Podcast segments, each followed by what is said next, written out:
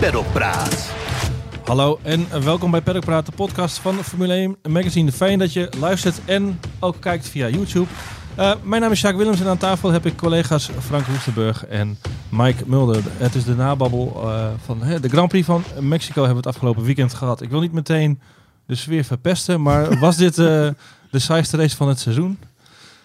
Ja, ja we zijn het meteen eens.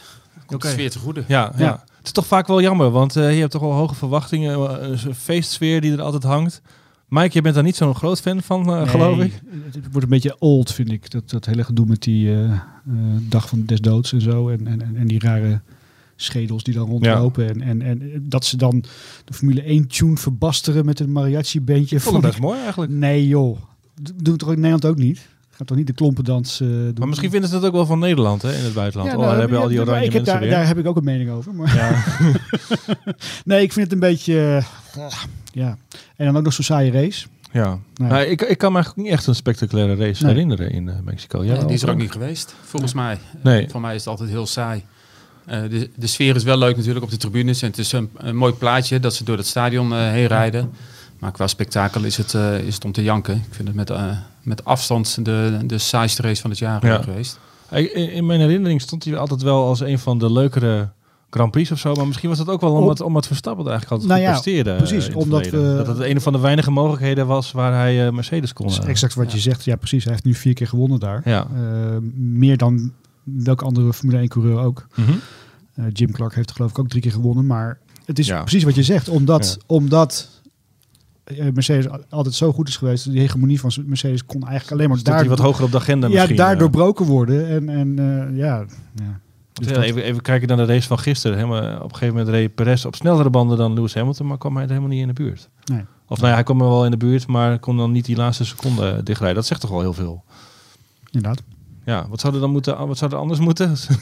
Moeten de baan naar C-niveau verplaatst worden? Of, uh, uh, ja, weet je, ja. ik, uh, de hoogte is natuurlijk wel een leuk aspect aan de race. Hè? En ik snap ja. best dat het voor engineers en, en, en dergelijke, dat het, dat het uitdagend is om die auto daar aan de praat te krijgen.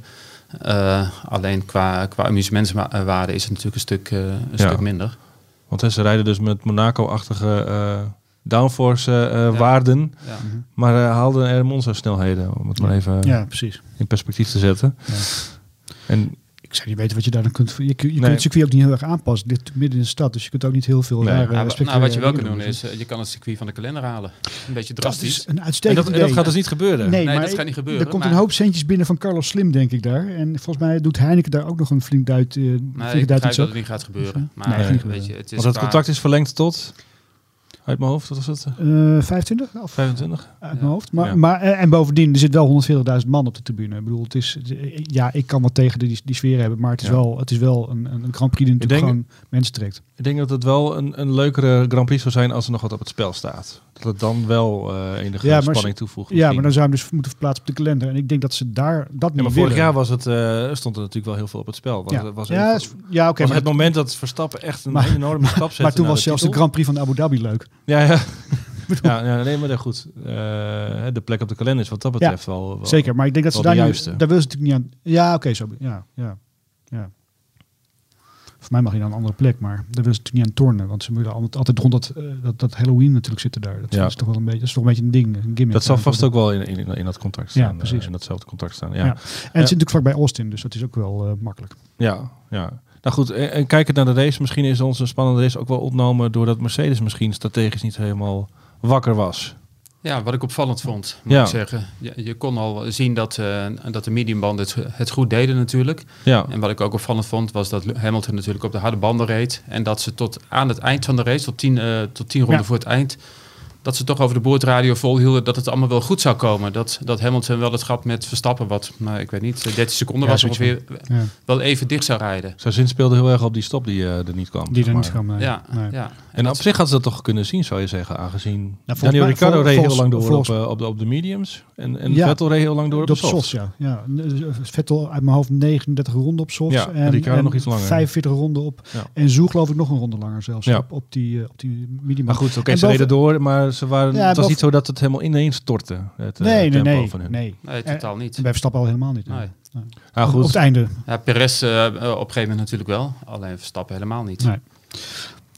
Ik denk ook wel, want volgens mij had Verstappen op vrijdag al afscheid genomen van die harde band. Dat zei hij naar de hand Ja, inderdaad. precies. Ja. En eigenlijk had Mercedes toen al moeten denken van oké, hmm, Ja, Wolf gaf eh, wel meteen de afloop over de teamradio eh, eh, toe dat het de verkeerde strategie was Ja. geweest. Hè?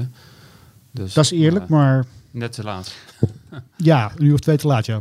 Ja, nee, maar Russell eh, eh, vroeg het bijvoorbeeld ook nog. Hè. Hij was ook gestart op de mediums, reed langer door dan, dan Hamilton. En stelde voor, hey jongens, zullen we langer doorrijden en dan voor softs gaan? En toen zei ze dus Ja. zoiets in de trant van, hey, dat, kun je, dat is niet te halen. Dan moet je een echt een hele Ja. lange softstint gaan rijden. En dat was dus achteraf, had dat misschien wel hem kunnen helpen. Ja, nou weet ik niet hoe Mercedes op die softs uit de voet kan. Dat is ook weer, eh, ik bedoel, laten we niet moeilijk doen. Verstappen kan natuurlijk wel heel goed zijn banden managen. En, Ja. en, en die softs, dat heeft hij echt gewoon heel goed gedaan, denk ik. Ja, en ik snap ook wel dat teams natuurlijk, eh, Ja. geldt niet alleen voor Mexico, maar ook voor alle andere races, Ja. dat ze andere strategieën willen kiezen Ja. om überhaupt het, het verschil, of tenminste om iets uit te kunnen richten tegen, Ja. eh, tegen Max Verstappen. Maar, maar toch iets te conser- conservatief gedacht Ja, misschien. absoluut. eh, van, eh, Ja, zeker. Nou, en, en, en wat, wij, wat, wij, wat wij in het verleden Ferrari wel eens kwalijk namen, is geen, geen eh, adaptief vermogen. Niet, niet het vermogen om tijdens de race nog iets aan te passen. Ja, Ferrari heeft altijd wel heel veel plannen klaar liggen. Dat was gisteren ook weer. Leclerc kreeg ook weer te horen van... Nee, wat, wat, Ja, hij zei het zelf. Hij zei het zelf. Ja, Ja. Zullen we naar plan C over? en dan, krijg, E, en dan hij als antwoord... Krijgt hij, ja, maar dan komen we misschien wel eh, in het verkeer terug. Dat ik, dat ik denk van ja... Volgens mij vinden ze daar uiteindelijk met een minuut voor en een minuut achter zich eh, helemaal niemand. Maar Precies. nee, ja, eh, over, de- over, over tempo gesproken, Verstappen reed rondjes. Ik heb het even opgezocht. Al zijn rondjes waren in de 1.22 op die van Oh ja. tijdens de VSC na eh, eh, niet dan. Maar eh, dat zegt toch wel iets over zijn eh, Dat is een ja, mooi- zijn vermogen om constant tempo te Daar hebben ze een rijden. uitdrukking voor, hè? A clockwork orange. Ja, ja. Ja, ja. Cliché, maar waar. Ja, nee, fantastisch. Ja, nee, ja, dat is, ja. top. bedankt voor die orange. Ik wilde nog even Daniel Ricciardo benoemen. Ja, Die toch even nog liet zien. eh, of nou, hij, liet zien dat hij dus eh, nog wel echt wel wat in zijn mars heeft. Maar Hij liet ook toch zien wel dat hij een foutje kon maken. Ja. Hè? Ja. Hij reed meneer Tsunoda van de baan. gek, eh, gek incident toch wel. Ja, waarbij de schuld niet helemaal bij Ricciardo eh, lag, wat mij betreft. Nee, Eh, tenminste, eh, Tsunoda had hem wat, wat ruimte kunnen geven, Ja. mogen geven, moeten geven ook. Want Tsunoda ver- verpest ook zijn eigen race natuurlijk. Maar ik denk dat het vooral nou ja, bij beide ja, lomp, een beetje dom. ja. Ja, alleen de straf die Ricciardo kreeg, 10 seconden, ik denk ja, dat dat is doet niks, niet zoveel. Nee. Nee. Nee, nee. eigenlijk geen straf. Zeker niet in, eh, hier in Mexico natuurlijk, met Nee. die grote verschillen. En, ja. Maar tegelijkertijd spoorde het hem wel aan om, eh, Gas te om gas te geven Ja. opeens. En, en, en, en zich naar voren te vechten. Dat vond ik toch wel weer, wel weer mooi om te zien. Echt Toch eventjes Ik had, eh, ik, had die oude eigenlijk, Ricciardo. ik had eigenlijk wel afscheid genomen al. Toen ik hem op een paard Austin eh de paddock zag binnenrijden lopen, dacht ik, dat had ik al een beetje Een afscheid beetje genomen. kolderiek inderdaad. Van, Oké, Ja. en hetzelfde gevoel ook een beetje met Pierre Gasly. Die hebben al een beetje afscheid genomen van hun team en van eh, nou, Daniel Ricciardo dan van de sport. Dat ik denk, en maar dan dat hij wat hij gisteren dan laat zien, dat ik denk van nou, oké, er zit toch wel wat vuur in. Ja, Ja. maar je zegt van de sport, je ziet hem niet... eh Bij, is eh, wel echt exits. eh, nou ja, weet ik veel. volgend jaar nog niet, maar... Nee, maar god, als hij volgend jaar niet rijdt, waar, waar, waar gaat hij dan over twee jaar rijden? Ja, Maar goed, er zijn mensen die Ja. het ook gedaan hebben. hè. Eh, alweer- Ja. werd over gespeculeerd. ja maar Zie ik niet gebeuren. Maar ik zou het wel jammer vinden voor de sport, moet ik Absoluut, zeggen. Dat zeker. iemand als Ricciardo met zijn uitstraling, ook met zijn kwaliteit als Ja. coureur, dat hij, eh, dat hij dan eh, ik heb, eh, plaats ik heb begrepen dat hij bij ESPN in Amerika als eh, soort van eh, analist, sidekick aan de slag kon. Maar Dat is toch ook Dat niet wat, je, wat wat je wil op, eh, als je 32 bent. nee, nee. Het is En- gewoon en- jammer, weet je. Het is wel een kleurrijke figuur. Ja. Ik denk dat iedereen, niet alleen omdat hij teamgenoot van Max Verstappen is geweest, maar iedereen in Nederland maar, eh, kent Ricciardo. Maar ik denk ook in, in alle landen waar Formule 1 een goed, beetje gevolgd is. Het is geen grijze muis. Nee. Nou ja, toch, en toch zit er wel een houdbaarheidsdatum aan. Je- kunt niet tot je op je 35ste, 38ste alleen maar met een hele grote glimlach Nee, eh, in die paddock blijven rond. Nee, maar hij kan wel eh, sturen. Alleen uh, Zeker, maar, gisteren maar, ik heb hem bij, bij Renault en ook bij, bij McLaren nu nog vier lang zeggen we dat hij kan sturen. En vier lang is het Ja. onder de maat. Ja. Niet aan tafel eh, vandaag, maar wel in Mexico, Daan de Geus. Hij zit, hij zit al in het vliegtuig, dus we kunnen hem helaas even niet eh, de, de uitzending intrekken. Hij heeft onder andere in zijn eh Verstappen-reportage, hè, die, die we dan in elk nummer maken, en ook in de komende editie, heeft hij geschreven over nou, de, de persstorm die nou ja, soms rondom eh, Red Bull en, en Verstappen opsteekt. Die bereikte dit, dit weekend wel zijn hoogtepunt, denk ik, hè, met de uitspraak in de, in de budgetcap zaak. Een boete voor, voor Red Bull, 7 miljoen en nou ja, een, een mindere hoeveelheid aan windtunneltijd is er, is, er- is er opgelegd. Dat, dan springen daar de Britse media bovenop. En ja. daar is vanuit Red Bull dan op gereageerd met een boycott. Wat vinden we daarvan? Ja, niet een algehele boycott, hè, maar gewoon een boycott van... Voor de, ja, sorry, ik moet zeggen voor, voor de Sky Sport Voor Sky Sport, vanwege één teams. man, Ted Kravitz. Ja. Dat vind ik, uh, nou, voor de mensen die hem kennen, die weten wat het over gaat. Maar ik vind het ook een uh, pieper de clown, eerlijk gezegd. Een man die zichzelf heel belangrijk vindt en niet altijd even genuanceerd uit de hoek komt. Tegelijkertijd, weet je, en je kan je daarin ergeren, je kan er wat van vinden. Al vind ik een boycott is ook weer niet heel handig natuurlijk. Ik moet wel erbij zeggen, Sky Sports is de, de, de, hoe zeg je dat, de hoofd rechthebbende. Die, die produceert eigenlijk alles ook wel voor, uh, voor Formule 1 zelf. Ja. Ja, ik, ik vind dat je daar als, uh, als team uh, boven moet staan. Weet je, zo belangrijk is het niet dat één man wat roept. Nee. Wil, uh, je moet het met een schouderophalen aanhoren, denk ik, en alweer verder gaan. Want even voor duidelijkheid, Ted Kravitz, Ted Kravitz zegt, hè, die zei ook in, een, in, een, in zijn laatste bijdrage in Amerika was het geloof ik, had hij het over hè, de, hoe, hoe de titel was bestolen van, ja. van Hamilton. Zo ja. betitelde hij steeds de, de, de, de de gebeurtenis in Abu Dhabi en dat is tegen het zere been bij, bij Red Bull. Ja, en hij heeft het niet over Verstappen, maar over that, that guy de hele tijd. Hè? En het is al wat, wat langer, hè, dat een soort van stemmingmakerij vanuit, uh, vanuit Engeland. Ja. Ze kijken daar natuurlijk iets anders tegen Max aan dan wij. En wij kijken weer iets anders naar Hamilton dan maar wat zij. je zegt, is het dan niet handiger om daar dan inderdaad de schouders over op te halen en, uh, en, en, verder te gaan? Of heeft, dat, heeft dat al te lang gedaan misschien? Ja, dan? weet je, ik kan me de ergernis wel voorstellen hoor. En die, die deel ik ook wel. Alleen ja, zo belangrijk is het ook weer niet, hè? Dat nee. iemand wat roept. Nee. Het zou misschien, ja, het zou misschien sterker zijn om juist Ted Kravitz wel voor een loop, lopende camera op te zoeken en te zeggen van joh, uh, vertel het nou gewoon eens in mijn gezicht wat, je, wat er mis is. Dat zou wel goede ja. tv opleveren. Ja, natuurlijk. Weet je ik, denk, ik denk dat hij er ook wel komt, want ja, volgende Grand Prix ja. gaat hij natuurlijk wel weer. Ja, maar laten we ook niet vergeten, kijk, in, in, in zo'n Ted Kravitz in, in, in, in Engeland is gekleurd over die Grand Prix van Abu Dhabi vorig jaar. In Nederland hebben we ook journalisten rondlopen die heel erg gekleurd tegen deze sport aankijken. Um, ja, weet je, leven je, laten leven, weet je wel. Ik bedoel, het is, het is uh, ja. één keer een boycott, uitgesproken, klaar. Laten we verder gaan. Maar laten we het omdraaien. Stel, hetzelfde was gebeurd, alleen dan uh, uh, Hamilton kampioen, Verstappen, nou ja, niet kampioen. En met hetzelfde soort gang van zaken. Zouden ja. we daar dan in Nederland nu nog steeds zo, nou ja, laten we zeggen, laten we het zuur noemen, over schrijven? Of, nou, ik, of, ik of, niet. Uh, ik, of verslag geven? of zouden we er overheen zijn Ik denk dat, dat wij, dat, nee, ik spreek, ik spreek, voor mezelf, maar ik denk dat ik redelijk neutraal over, over deze sport schrijf en over de, de, de, de poppetjes schrijf. Mm -hmm.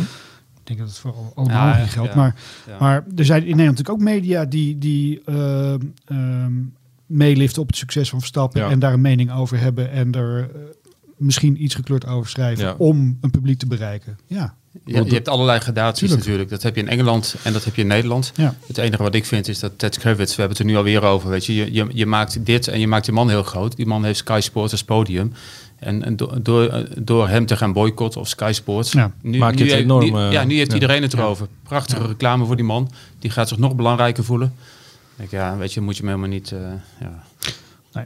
Ik vind het trouwens best een leuke rubriek trouwens, die hij maakt. De, de, de vorm aan zich vind ik altijd uh, ja, wel zeker, prettig om zeker. te kijken. Ja.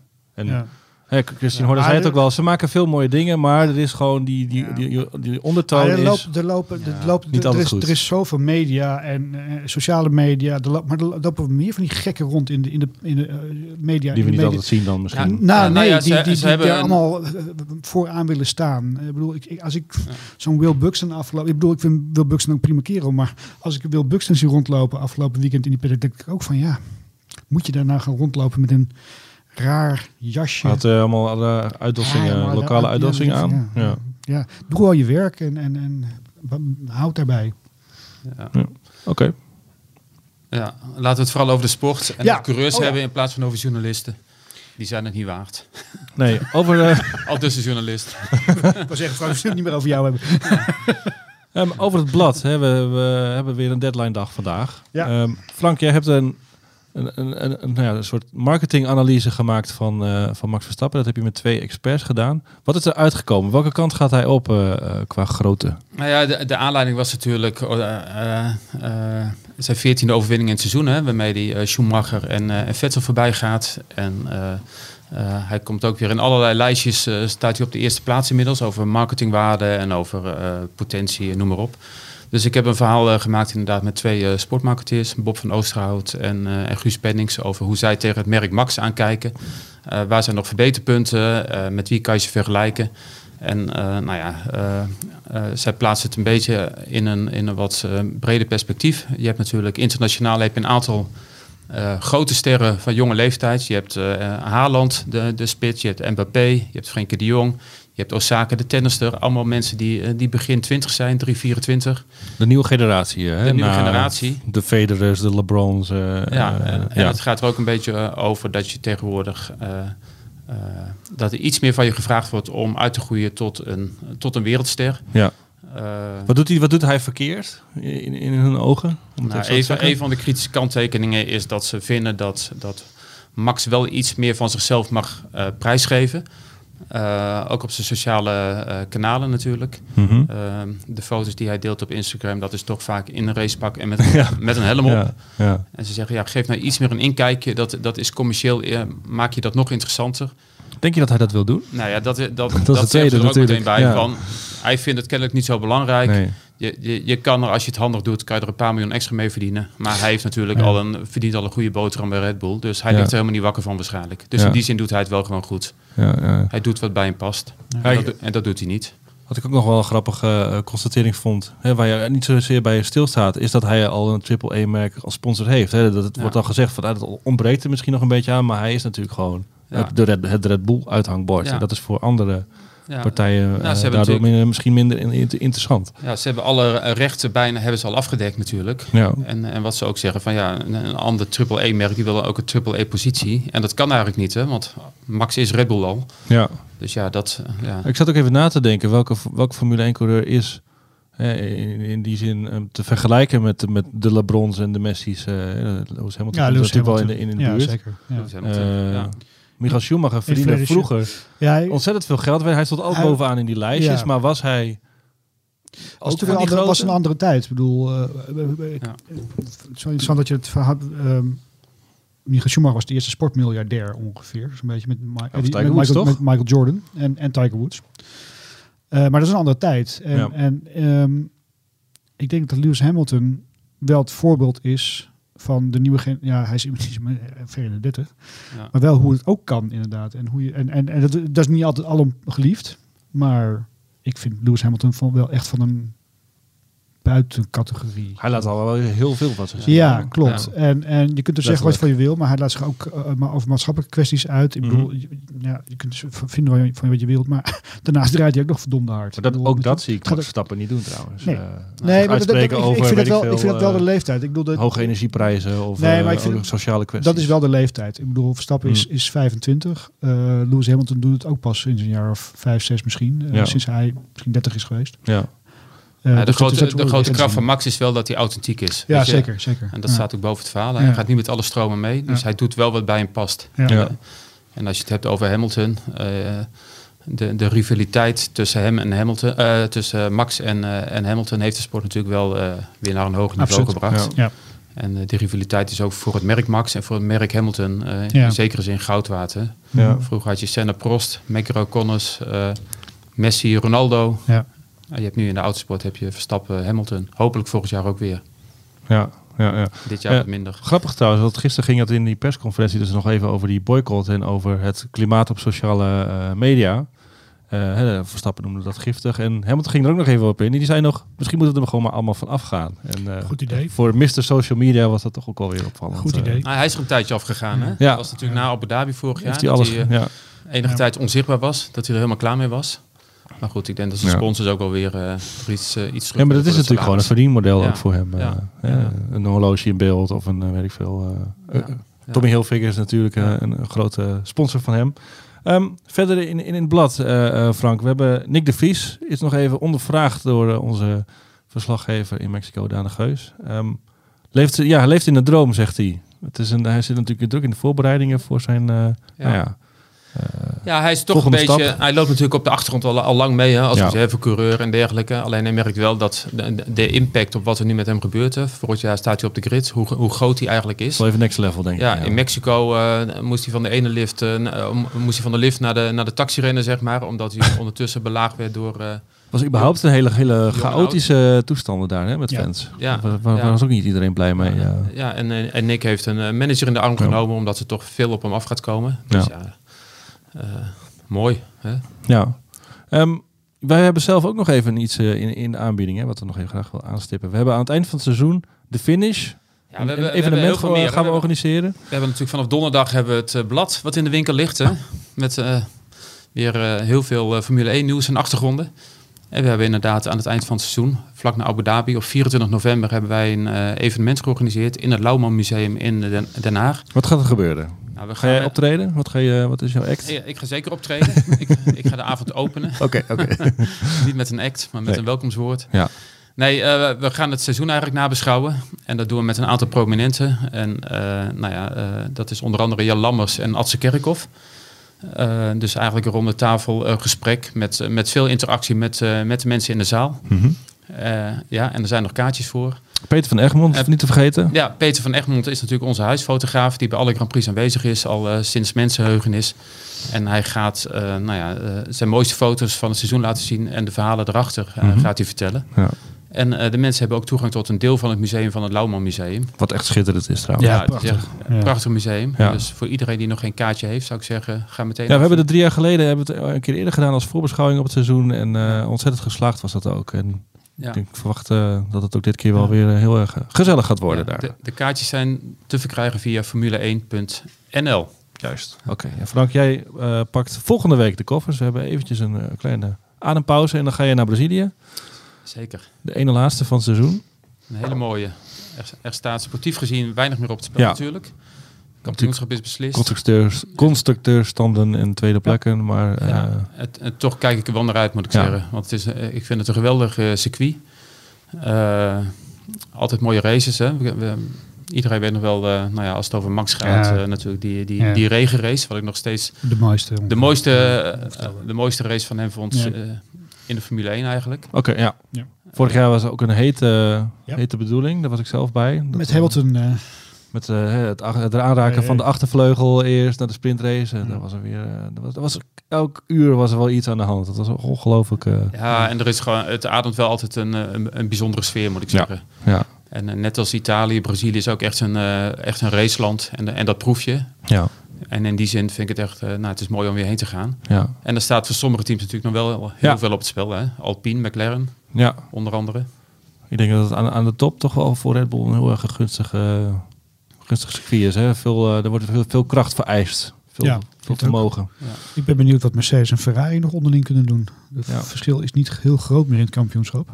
Ja, maar Ferrari moet wel wel echt... Uh, ja, je, je mag je, nou, kan, je kan het verwachten, sluit, maar je moet toch echt instorten. Ik, ik sluit om, niks uh, nee. Nou, nou, het, het verschil is 40 punten. Nou ja, dat is nogal wat. Uh, nou. na Brazilië komt nog een race. Ja, we zeggen precies.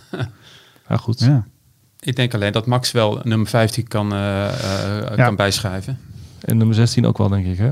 Ja, ja. ja dat zit er toch wel in. Oké. Nou, um, zoals gezegd, het blad uh, gaan we nu even afmaken. Dat ligt donderdag in de winkel. Zeker.